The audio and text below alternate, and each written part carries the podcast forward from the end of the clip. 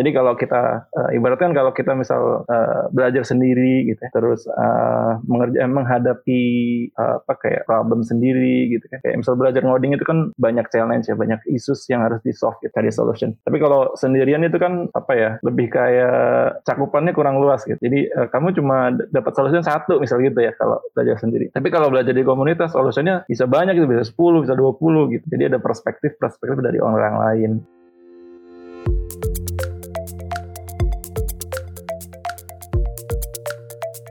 Selamat datang di Ceritanya Developer, podcast yang menampilkan developer, programmer, atau engineer Indonesia inspiratif yang tersebar di seluruh dunia. Bersama saya Riza, kita akan menggali bagaimana mereka berjuang, suka dukanya dalam perjalanan karir, hingga kesalahan konyol saat ngoding.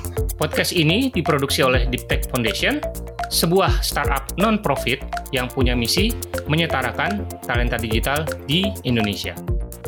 Narasumber kita yang satu ini merantaunya cukup jauh nih dari ujung Pulau Sumatera Aceh. Sekarang dia merantau ke Jakarta. Sempat jadi front end engineer, terus sekarang baru aja dipromosikan menjadi engineering manager di uh, Fitloop. Langsung aja kita sambut uh, Fatur Zak Buhari. Halo, Zak, gimana kabarnya? Halo Mas Riza, alhamdulillah sehat, sehat gemuk sehat, sekarang. Ya. Oh gemuk ya, di rumah terus ya? Iya, di rumah terus nih. Gara-gara di rumah terus jadi banyak makan kayaknya. Mas Riza gimana? Gimana kabar? Kabarnya baik juga. Uh, lingkar pinggang bertambah juga sama lah ya kita. iya. Oke, okay, uh, eh, kita akan ngobrol-ngobrol santai ini. Uh, Rozak ini apa ya? Udah cukup lama kita ya kerja bareng juga ya di di apa di komunitas uh, Jakarta JS ya. Jadi udah kayak teman aja. Sempat gosip-gosip juga tadi ya, panjang. Oke, okay, kita uh, langsung aja ya ke inti inti podcast ini. Jadi ngelantur terus. Rozak ini awal belajar ngoding tuh kapan dan uh, gimana prosesnya? Oke, okay. uh, eh, mungkin kalau belajar ngoding ya, jadi aku pertama belajar ngoding tuh dulu di SMA deh kalau nggak salah. Jadi di SMA sempat ketemu sama Tibi sih. Jadi ada ada ceritanya sih dulu tuh. Jadi, jadi memang kan waktu awal masuk SMK dulu tuh langsung diajarin kayak software-software buat editing gitu kan ya. Jadi editing, desain, terus animasi gitu. Nah, basic sih kayak Photoshop, CorelDRAW gitu. Nah, dari situ sih selama diajarin tuh di kayak di kelas 1 gitu. Jadi daily daily-nya tuh banyak megang program-program gitu ya. Nah, dari situ kayak aku sih basically kayak lebih berpikir ya, ini kok ada program-program kayak gini gitu ya. Uh, sebenarnya gimana sih cara bikin program-program ini gitu terus kayak dari apa dari pemikiran itu uh, mulai tuh kayak curious gitu kan ya kayak penasaran nanya-nanya tuh ke kayak ke guru-guru gimana sih bikin ini gitu ada nggak sih gitu kayak akhirnya tuh ada pertanyaan yang muncul kayak ada nggak sih program yang bisa bikin program gitu ya startnya dari situ sih dulu kurang lebih sih Mas Riza. Oke, berarti dari apa? Dari penasaran uh, nyobain aplikasi, mm-hmm. terus akhirnya muncul pertanyaan, apakah ada program untuk membuat program atau aplikasi untuk membuat aplikasi gitu ya? Yes, betul, betul. Jadi lo gitu. Terus akhirnya sekarang kerjanya juga di perusahaan yang membuat aplikasi untuk membuat aplikasi gitu ya, meta sekali. Jadi masih ini ya, masih satu cakupan ini ya, satu cakupan dari awal gitu. Petnya sama uh, gitu. Iya, dari dari awal itu sudah memprediksi bahwa akan ke sana gitu ya.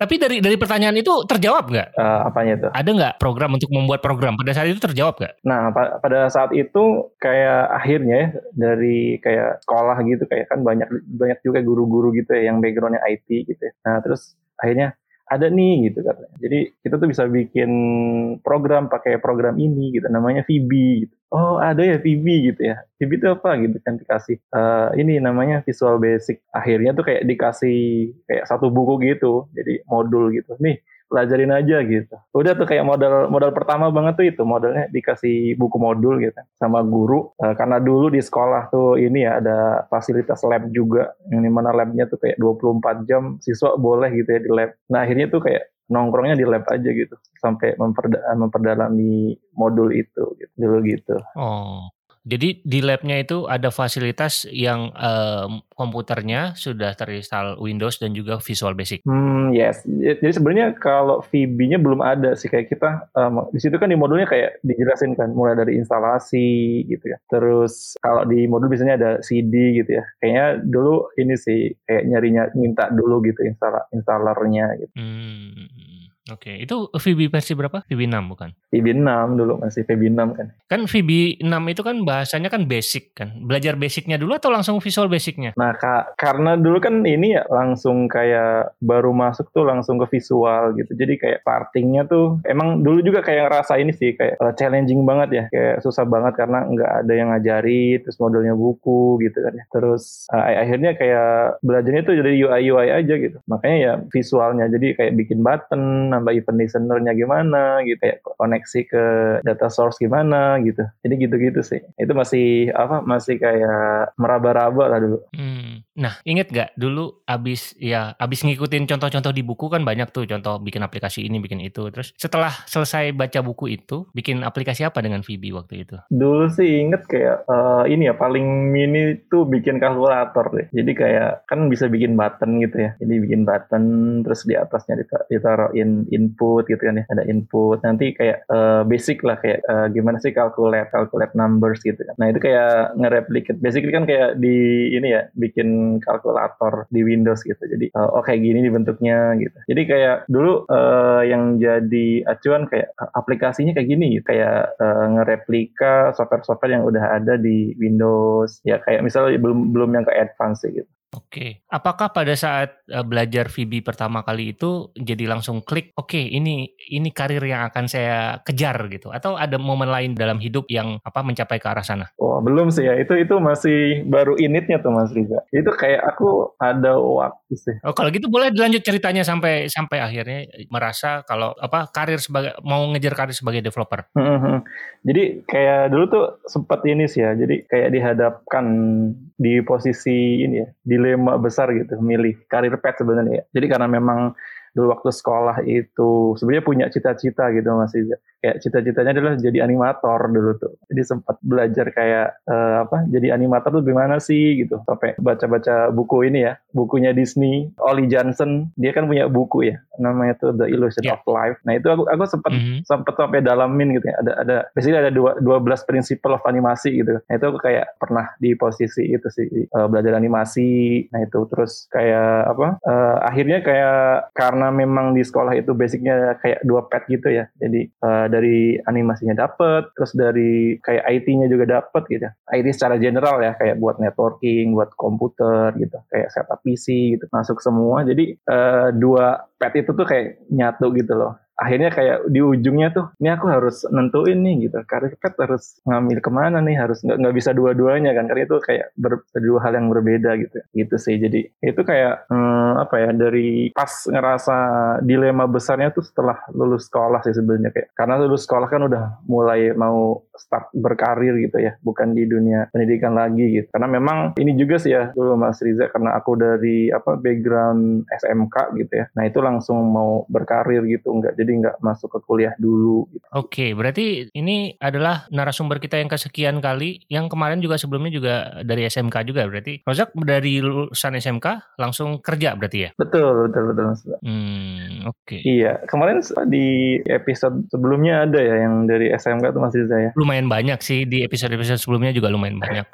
Nah, um, terus boleh mungkin dilanjut ceritanya sampai akhirnya dapat pekerjaan pertama. Gimana perjalanannya? Jadi kan uh, setelah itu ya, setelah kayak uh, punya dilema besar itu, sebenarnya kayak masih jalan gitu tuh, kayak ah mau ngambil animasi gitu kan. Sampai sempet dulu tuh, dulu kan masih zamannya FB ya, jadi uh, masih belum ke Twitter ya, belum ada Instagram gitu. Nah itu kayak di Facebook uh, sempat nyari salah satu animator yang lagi kondang ya zaman zaman dulu tuh ada. Sekarang tuh dia kayak dosen di ini di Binus. Dia dosen di Binus. Dia juga kayak pernah di Korea gitu. Basically kayak punya aliran bikin animasi tersendiri gitu ya animasi unyu-unyu gitu ala Korea nah itu aku pernah kayak apa ngechat dia gitu ya di di messenger di Facebook gitu. Nah, itu kayak aku dari belajar-belajar gitu paralel sambil belajar juga di dunia IT. Dunia IT pas awal-awal banget tuh kayak kenapa akhirnya bisa sampai memutuskan ini ya, jadi ngambil uh, di industri programming gitu di, di, di industri uh, IT-nya itu sendiri. Kayak aku sebenarnya kayak ketemu di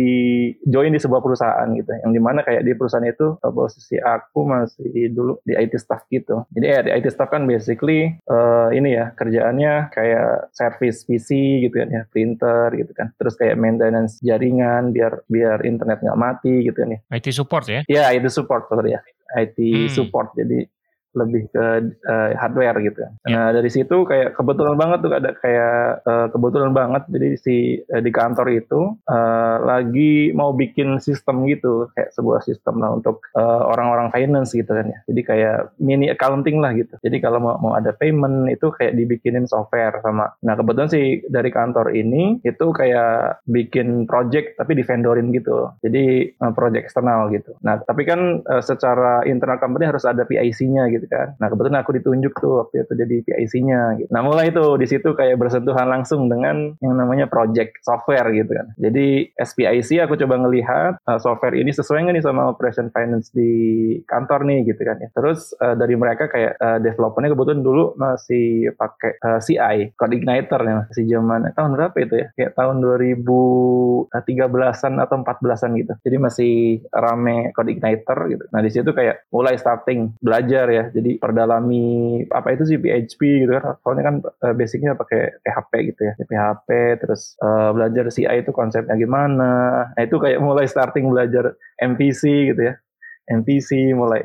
Dari situ kayak belum hands on sih ya tapi at least kayak karena jadi PIC itu tahu gitu big picture-nya. Oh project software tuh kayak gini ya menarik ya gitu ya. Ya kurang lebih uh, gitu sih jadi awal-awal terjun di IT-nya hmm, di dunia development gitu ya. Betul betul. Nah berarti dari apa? Dari SMK yang belajar VB terus tiba-tiba dapat project apa gabung ke project tapi bukan sebagai developer yang adalah projectnya itu aplikasi web dengan menggunakan code igniter uh, eh, PSP berarti belajarnya otodidak dong belajar PSP belajar CI dan lain-lain gitu ya? Iya mm -hmm. dulu ini sih masih ya jadi memang kayak aku tipe orang yang ngulik gitu ya. Jadi kalau nemu something yang menarik gitu jadi kayak itu udah kayak nyari nyari resource lah gitu. Entah itu buku entah itu tutorial gitu ya entah itu video gitu. Kan banyak tuh ya video tutorial gitu misal di apa eh, platform-platform itu banyak ya. Nah itu kayak cari terus kayak sampai semalaman nontonin videonya sampai selesai gitu. Jadi kayak memang kalau udah kalau udah ngerasa wah oh, ini menarik banget nih itu kayak nggak nggak berhenti berhenti gitu kayak pelajarin sampai dalam. Jadi kayak memang di awal-awal itu lebih uh, apa ya, lebih banyak otodidaknya sih. Gitu. Jadi ya belum bersentuhan lah ya bersentuhan dengan komunitas itu belum waktu masih masa-masa di tahun 2014-an itu. Oke. Okay. Mungkin bisa dilanjut ceritanya perjalanan karir uh, mulai dari awal sampai saat ini di Fitloop uh, singkat-singkat aja. Oke, okay. oke okay, ya. Akhirnya setelah jo apa join di project itu kan ya, setelah join di project ya memang uh, karena udah ngerasa menarik gitu ya. Nah kayak di situ tuh mulai tuh ngeplan gitu. Wah ini aku nggak bisa nih. Itu kan tadi masih ke bawah ya. Apa jiwa-jiwa pengen jadi animatornya itu udah tinggalkan lah gitu ya. Jadi akhirnya tuh memutuskan close tuh untuk ngambil pet animator, udah fokus uh, ngambil ke dunia programming. Nah setelah itu kayak parting tuh kayak oh mau move company dulu gitu ya, coba cari company yang uh, memang fokusnya di IT. Akhirnya tuh uh, ketemu ini juga ya masuk ke satu uh, IT consultant gitu. Nah di situ jadi kayak web developer gitu sih basically. Jadi starting di situ kayak mulai apa info langsung gitu kayak bikin website gitu ya kayak yang small small aja bikin website website terus apa bikin aplikasi dulu sih kayak kebetulan uh, ini sih ya apa kayak IT consultant punya project bikin uh, aplikasi SMS gateway gitu nah jadi info di project itu gitu. nah starting dari situ uh, udah ya kayak dari company itu terus mulai lagi kayak coba cari challenge yang lain gitu kan join di di project-project kayak short project gitu kayak tiga bulan enam bulan sampai akhirnya itu kayak lama ya sampai berapa tahun ya mungkin dua atau tiga tahun tahun gitu join di project-project gitu ya. Nah akhirnya kayak wah kalau misal join project-project ini nggak kurang ini gitu ya, kurang apa karir pathnya kurang terarah gitu ya. Nah akhirnya kayak mulai tuh kayak wah ini harus cari ini cari tempat untuk belajar. Gitu. Starting tuh uh, mulai join-join kayak ke komunitas gitu. Kayak akhirnya ketemu dari Jakarta JS, di Jakarta JS ketemu banyak suhu-suhu ya di situ. Kayak inget banget sih waktu di Jakarta. Mentor, mentor. mentor ya. ya basically mentor-mentor aku sih ya semuanya ada di Jakarta Jazz ya. Eh, pertama ketemu di Hactivate nih ketemu Mas Riza, ketemu Bang Hengki, ya ketemu sama Mas Sofian, sama Heru, Febri, sama Mas Gio ya. Nah itu kayak aku banyak belajar sih sebenarnya di Jakarta JS tuh ya. Jadi ekosistem yang pertama yang ngebuild aku apa uh, ngebus gitu ya karena memang bersamaan juga pas masuk Jakarta JS itu gitu ya aku kayak udah info di komunitas aku juga dipercaya untuk join ke Happy Press waktu itu. Nah di Happy Press itu memang uh, dari plan aku ya itu sesuai dengan plan buat uh, ngambil pet hmm, waktu itu specialty di front end. Jadi udah ngambil ya dari awalnya memang web developer aja gitu ya. Uh, apa join project di PHP Laravel CA gitu. Udah banyak banget. Aku mau ngambil pet nih misal uh, apa di apa lebih spesifik gitu ya, lebih spesifik di uh, di satu bidang. Apa programmer tapi lebih spesifik lagi nih. Coba ambil di front end. Akhirnya masuk front end di Happy Press waktu itu itu sampai di Happy Press itu sekitar tahun 2000 apa ya? 2018 2018 uh, dua tahun. Terus jam lagi ke Febelio di tahun kemarin ya. Sampai akhirnya tahun eh tahun kemarinnya lagi ya. Tahun 2019 uh, 2020 itu join baru di company yang sekarang Fitloop ya alhamdulillah karena memang ini rentetan uh, apa ya company-company memang basicnya dari komunitas yang supporting banget ya itu Jakarta JS ya. Karena kenal kenal sama Mas Rizky. Mas Rizky juga basically itu ada di Jakarta JS kan ya kenal. Terus uh, komunitas uh, yang baru juga nih uh, yang sekarang organize ceritanya developer sama Deep Tech. Nah ini join juga gitu. Ya basically uh, backgroundnya dari teman-teman di Jakarta JS semua. Gitu. Ya feeling grateful lah Oke, ini ini ini salah satu success story-nya ya, salah satu success story-nya komunitas. Iya, soalnya kan banyak juga kan orang-orang yang yang apa ya, yang berpikiran kalau buat apa sih join komunitas, ngapain sih gitu. Kayak benefitnya apa sih gitu kan kalau kalau Rozak kan udah ngerasain banget kan kayak networkingnya terus dapat apa mentornya -hmm. juga gitu tapi kan. memang memang sih Mas Riza ya jadi komunitas tuh ada yang memang pro ada yang setuju sama enggak gitu ya jadi kayak ada yang berpendapat gitu ya aku juga kayak basically di company itu sama teman-teman di company kemarin uh, ngapain sih join gitu kan? Kayak uh, better lu fokus ke company aja gitu. Goal company kan lebih uh, lebih jelas itu karir pet gitu kan. Kalau di komunitas uh, ngapain? Kayak uh, basically ngumpul-ngumpul aja gitu sharing-sharing tapi impactnya nggak uh, terasa. Ada yang berpendapat berpendapat gitu juga gitu. Tapi aku juga uh, aku malah berpendapat di di lain sisi ya gitu ya. Jadi karena aku udah ngerasain kan kayak di apa Jakarta JS, di Tech itu basically ya buat aku sendiri impactnya ya buat growth-nya sendiri gitu. Jadi growth secara personal yang di mana growth personal itu indirectly uh, impact ke goal dari company juga gitu kan. Nah, jadi kan mungkin uh, orang-orang yang berpikir uh, goalnya company itu ya dari personal kontribut langsung ke company gitu kan. Tapi kan uh, kayak inilah ya kayak mindset open source lah ya. Kayak orang ngapain capek-capek uh, ngerjain open source gitu kan. Mending yang dibayar aja gitu. Kayak gitu kan. Ya mungkin kurang lebih gitu. Ya, mungkin banyak orang yang apa ya um, belum merasakan benefitnya. Terus juga kalau ngelihat dari luarnya gitu ya, ngapain sih kita capek-capek gitu ya bikin meet up tiap bulan di luar jam kerja nggak dibayar gitu ya. Buat apa gitu kan. betul, betul, betul. Mending yang jelas-jelas saja yang dibayar gitu ya. Termasuk juga uh, pekerjaan apa open source gitu kan. Mm -hmm. Padahal sebenarnya di sisi yang lain ya itu pengalaman kita gimana cara kita berorganisasi gimana cara kita apa namanya membangun tim gitu kan gimana caranya kita belajar dengan orang yang apa mentor-mentor yang ada di komunitas dan lain-lain mm -hmm. Oke, nah kalau momen nih atau kontribusi yang paling membanggakan selama jadi developer ada nggak? Sepertinya sudah disebutkan tadi ya. oh, ini dong JSD dong. Oh JSD, oh iya bener. Nama-nama yang tadi disebutkan ya, iya. ya ada Febri, ada Heru, ada uh, Hengki, Gio, ada iya. uh, dan lain-lain gitu ya. JSD 2019 sebelum pandemi. Sebelum pandemi itu kangen ya masa-masa sebelum pandemi nih ya. Kangen banget, iya. Ya. Kemarin tuh eh tahun 2021 kan sempat ada dua uh, conference besar juga di Indonesia hmm. kan, ada PyCon sama ada Kubernetes ID ya. Iya. Tapi itu hybrid ya.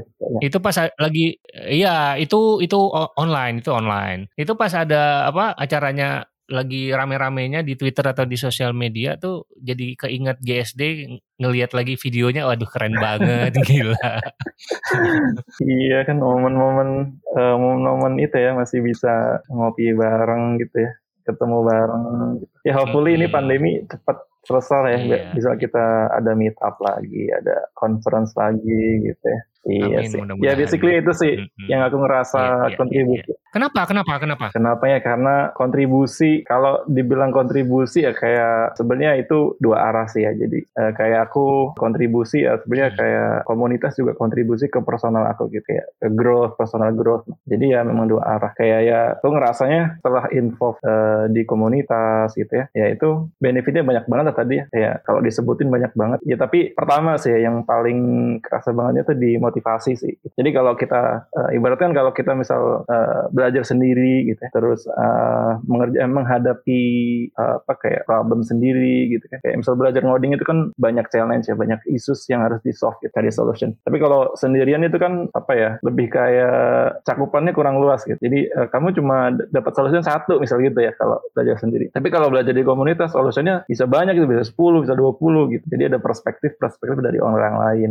Nah, makanya dengan kayak ada di apa di kayak khususnya kemarin ya JSD itu sharingnya kan banyak banget. Itu ada ada ini speaker speakernya uh, keren-keren lagi. Ada Mas Arya ada wah keren lah gitu ya. Dari situ kayak ngerasa uh, motivasinya jadi bertambah gitu jadi tergugah. Wah ini uh, ada pandangan gitu ya bahwa uh, developer tuh kayak gini gitu gitu gitu sih. Ternyata banyak yang lebih jago-jago jadi jangan berpuas diri gitu ya. Iya. betul betul itu yang paling penting malah. ya.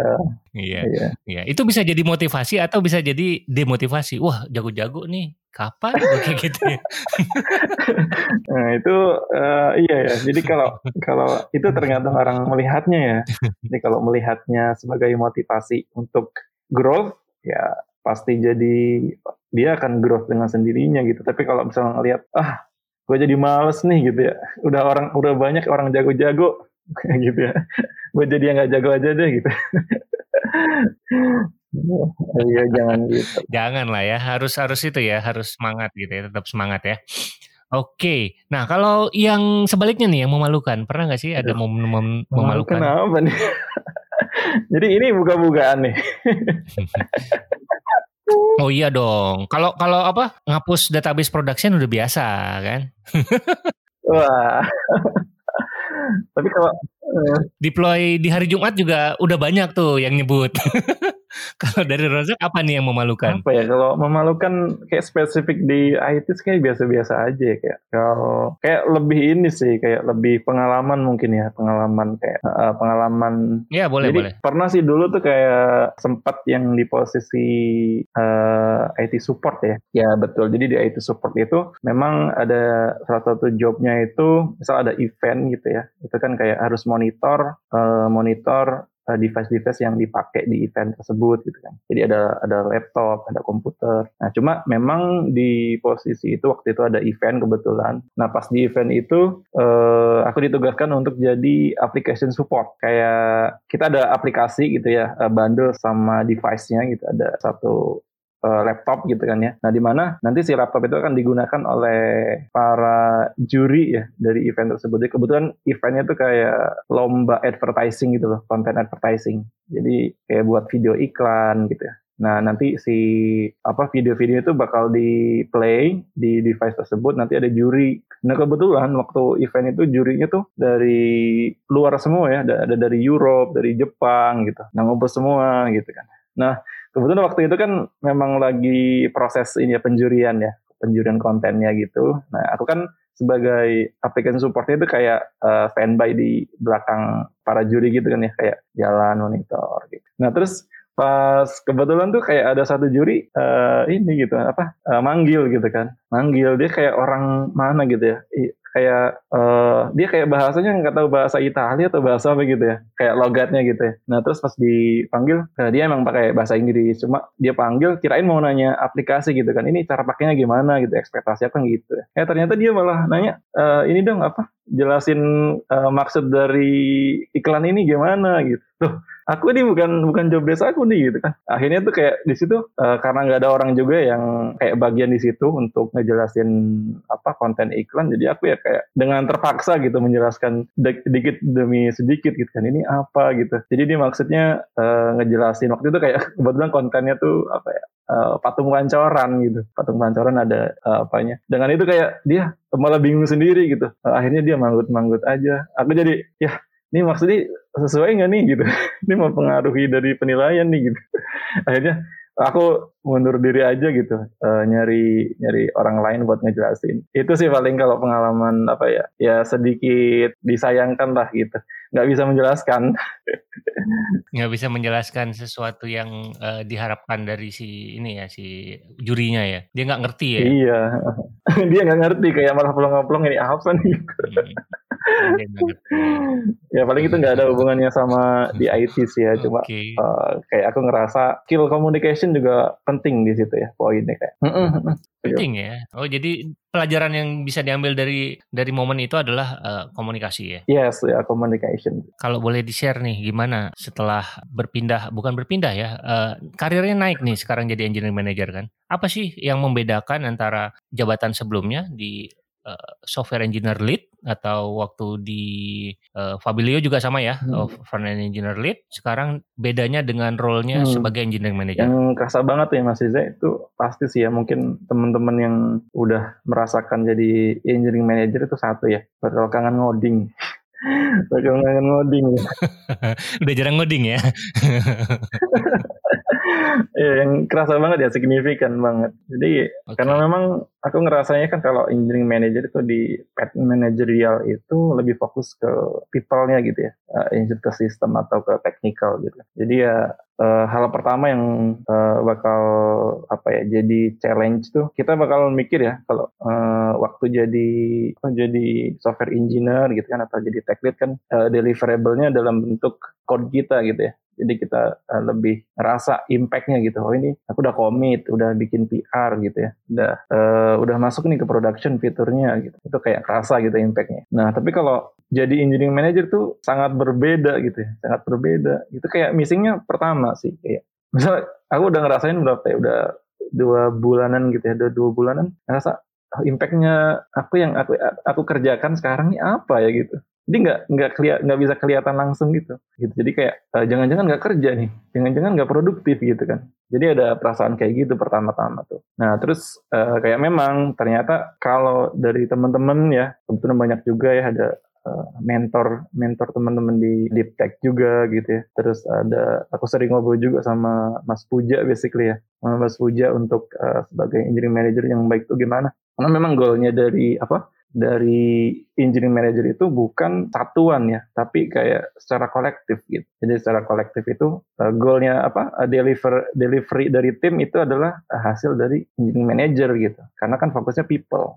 Kalau people-nya produktif, people-nya bisa optimize uh, deliver, ya itu hasilnya gitu.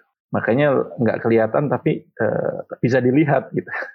Kurang lebih gitu sih pengalaman yang baru dirasakan. Tidak bisa dilihat di diri kita gitu ya. Tidak bisa dilihat di diri kita tapi dilihat dari tim kita gitu ya secara umum ya. Yes, yes, betul. Hmm, oke. Okay. Terus kerjaan sehari-harinya ngapain? Apakah meeting one on one atau uh, code review atau ngapain sih kalau engine manager tuh?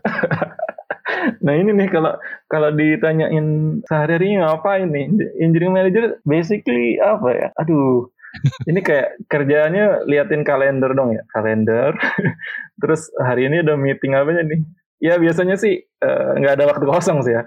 Meeting semua gitu. Karena ini juga kan kayak, kayak wah kok tiap hari meeting mulu? Ya kadang juga kayak uh, ngerasa oh ini meeting fungsinya buat apa? Gitu kan ya. Karena apa? Karena banyak kan ya. Tapi uh, di situ uh, apa sih kayak dapat juga sih poinnya. Memang kan karena si engineering manager itu fokusnya ke ini ya salah satu kuncinya adalah alignment gitu kan ya. mungkin Uh, jadi alignment itu lebih ke komunikasi antar antar person bisa ya atau antar tim gitu. Jadi uh, oleh karena itu ya wajar gitu. Jadi di daily-nya lebih banyak meeting. Nah, event event yang apa ya? Lebih fokus misal buat one on one ya. One on one juga kan lebih ke communication ya antar uh, interpersonal gitu. Jadi lebih uh, fokus ke human connection gitu. Ya akhirnya kerjanya gitu ya. Event ya yang paling dekat sama ngoding ya karena tadi uh, apa kayak kangen banget ngoding. Yang paling dekatnya itu apa ya? Kadang ya nyicip-nyicip lah code review gitu ya. Mungkin ada yang belum ke handle sama tech lead, ya kita masuk uh, code review. Gitu. Oke. Okay. Oh berarti apakah si role engineering manager ini membutuhkan kemampuan teknis kita, kemampuan ngoding kita, atau nggak perlu sebenarnya menurut Rozak? Yes, hmm. uh, harusnya perlu ya, malah sangat diperlukan. Kenapa tuh? Uh, kenapa? Karena karena memang ibaratkan engineering manager itu memang sudah di manajerial, cuma kan perlu parameter-parameter untuk ambil decision ya. Jadi ambil decision tuh karena uh, kalau di manager itu kan fokusnya ada berapa ya ada salah satunya adalah proses ya. Jadi fokus ke proses dari software development gitu ya. Nah, proses terus ke people gitu. Jadi people itu uh, ke orang-orangnya. Nah, terus uh, sama lagi sistem gitu ya. Jadi sistem ini bukan berarti harus uh, langsung in, hands on gitu. Tapi dengan kata lain uh, sistem ini ngejagain bahwa apa ya fokusnya itu kan ke quality ya. Gimana sih software kita biar kualitinya bagus kan harus uh, tahu tuh di code-nya gimana gitu kan. Let's say misal buat ngejagain uh, ini ya biar quality ini kejaga terus uh, mau diotomasi gitu. Ya kan kita harus tahu juga dalamnya gimana gitu kan. Uh, misal pakai apa pakai formatter ada unit testnya uh, proper apa belum gitu kan nah, itu kan harus tahu. Nggak bisa sih misal tiba-tiba uh, ujuk-ujuk orang langsung jadi engineering manager gitu tanpa tahu nggak tanpa bisa ngoding tanpa bisa ini ya mereka bakal buta sih untuk apa ya yang diukur gitu Oke, oh berarti si engineering manager ini fokusnya kedua ya, people and process ya. Jadi proses otomasi atau proses yang memudahkan si uh, engineer untuk uh, melakukan pekerjaannya ya. Yang tadi udah disebutin ya, ada mungkin CI/CD, uh, menentukan unit testing atau testingnya berapa yeah. coverage dan lain-lain gitu ya. Dan itu tugas uh, tugas utamanya si salah satu tugas uh, dari engineering manager berarti ya. Iya, yes, jadi fokus fokusnya. Um, apa untuk ngeset gimana proses pengembangan yes, aplikasi yes. di satu perusahaan gitu ya. Nah, kalau di luar pekerjaan, ada hobi yang akhir-akhir ini sedang digandrungi? Oh, akhir-akhir ini ya. Akhir-akhir ini itu apa ya? Kayaknya nungguin Spider-Man ini deh. No Way Home. oh, hobi nonton ya, hobi nonton ya? Ya, salah satu. Ya, salah satunya lah hobi. Hobinya hmm. banyak sih, cuma ya kalau nonton okay. itu uh, suka seri-seri yang panjang ya, kayak misal Harry Potter, Lord of the Ring gitu. Kayak itu tamat semua ya kayak Star Wars oh, itu okay. semuanya gitu. Marvel itu semuanya. Hmm. iya. Semuanya. Gila Marvel banyak banget ya. Ya salah satunya movie lah ya movie kalau misal yang udah tahu background di awalnya hmm. tuh kayak penasaran. Misal kayak Star Wars ya kan ada yang baru The Mandalorian gitu. Yeah kayak ditunggu-tunggu sih nanti 29 Desember keluar gitu. Hmm.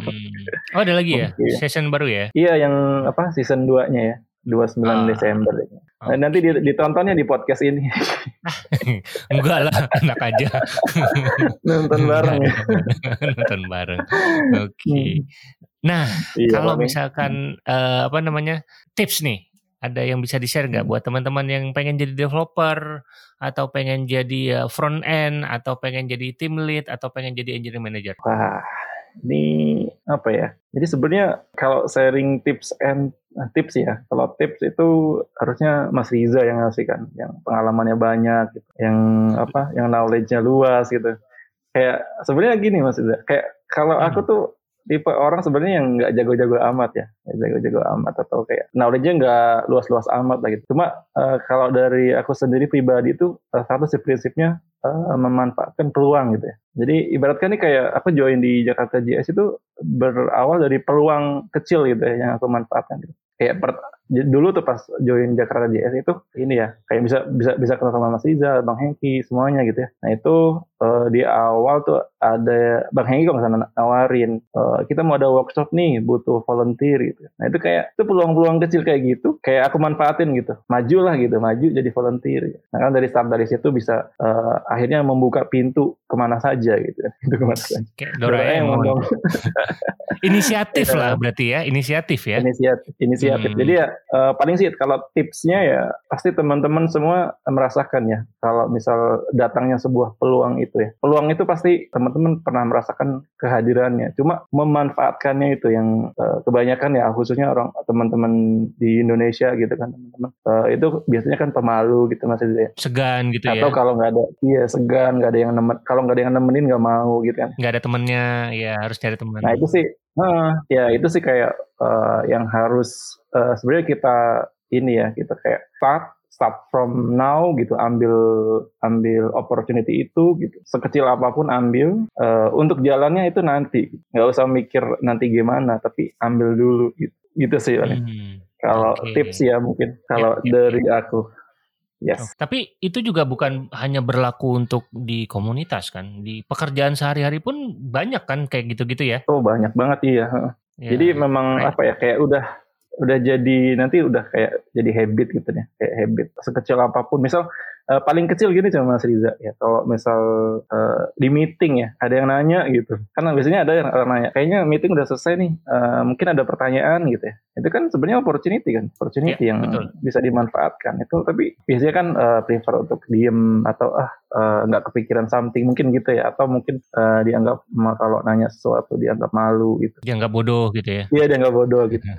Nah kayak gitu-gitu sih kayak yang small kayak gitu aja lah gitu. Uh, dimaksimalkan hmm. padahal sebenarnya hmm. kalau di meeting ada yang nanya itu adalah salah satu apa ya kalau uh, sebagai orang yang istilahnya yang memimpin meeting atau atasan kita itu pasti uh, menilainya wah nih nih orang nih uh, excited nih tertarik nih sama proyeknya atau sama uh, topik yang sedang dibahas gitu ya iya betul betul betul iya hmm. betul itu ada sebenarnya di buku buku ini sih buku apa yang sempat aku ini juga ya aku keep hmm. oh ini salah satu book yang harus aku kasih nih kalau punya anak nanti oh, iya, langsung. baca gitu.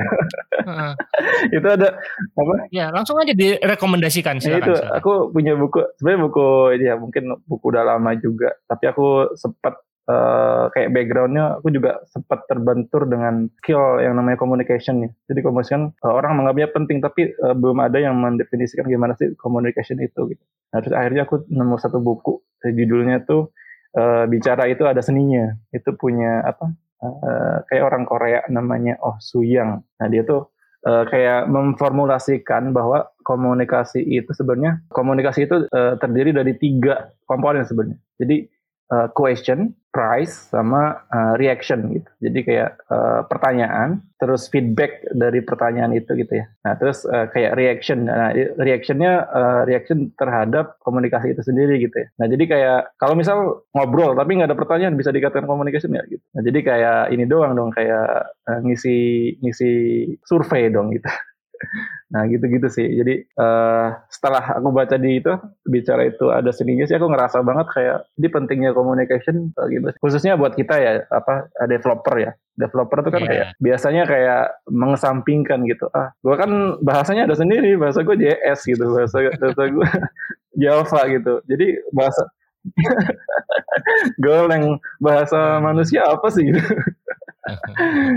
nah yeah. gitu sih. Jadi Biasanya, makanya kayak eh, aku menganggapnya uh, apa komunikasi itu penting banget ya khususnya buat developer. Hmm, iya, developer kan hmm. apa stereotipikalnya developer biasanya kan introvert itu kan di belakang layar nggak mau kelihatan gitu, nggak mau ngobrol gitu ya.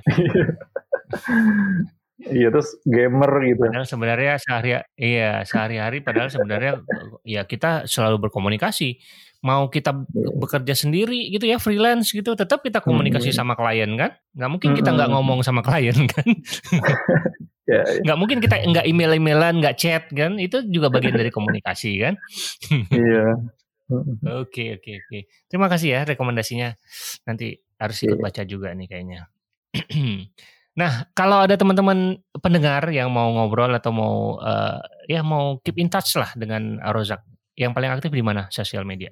Aku sih paling aktif di mana ya? Di di LinkedIn mungkin ya sebenarnya. Di LinkedIn sama uh, LinkedIn. Kalau komunikasinya mau pakai bahasa codingnya di GitHub. Oh, GitHub. Oke. iya. Kayaknya di situ aja di LinkedIn paling kalau personal di Instagram sebenarnya. Di Instagram, Instagram ya? paling aktif. Hmm. Iya. Oke, kalau gitu uh, pesan penutup mungkin sebelum kita udahan? iya, paling uh, tadi sih ya nyambung yang tips itu ya uh, apa ya kalau ngobrolin soal peluang gitu. Jadi kalau aku punya prinsip jadi peluang besar itu datang dari rangkaian peluang kecil. Jadi maka beralihlah ambil peluang itu sekarang, walaupun itu kecil. Paling pesan pesannya itu sih kalau buat teman-teman buat pribadi sih khususnya itu. Buat pribadi, terutama buat pribadi ya. buat pribadi. Sedap. Oke, kalau gitu terima kasih Rozak atas uh, cerita-ceritanya. Sukses terus untuk karir dan kehidupannya. Siap Mas Riza, makasih banyak juga udah diundang di podcast yang keren ini. Kritik dan saran bisa dilayangkan ke rizafahmi at gmail.com atau mention lewat Instagram ditek.id dengan hashtag ceritanya developer. Jangan lupa support podcast ini dengan berdonasi lewat karyakarsa.com slash rizafahmi atau beli merchandise ceritanya developer di www.ciptaloka.com slash plus rizafahmi. Sampai jumpa lagi di episode berikutnya. Bye!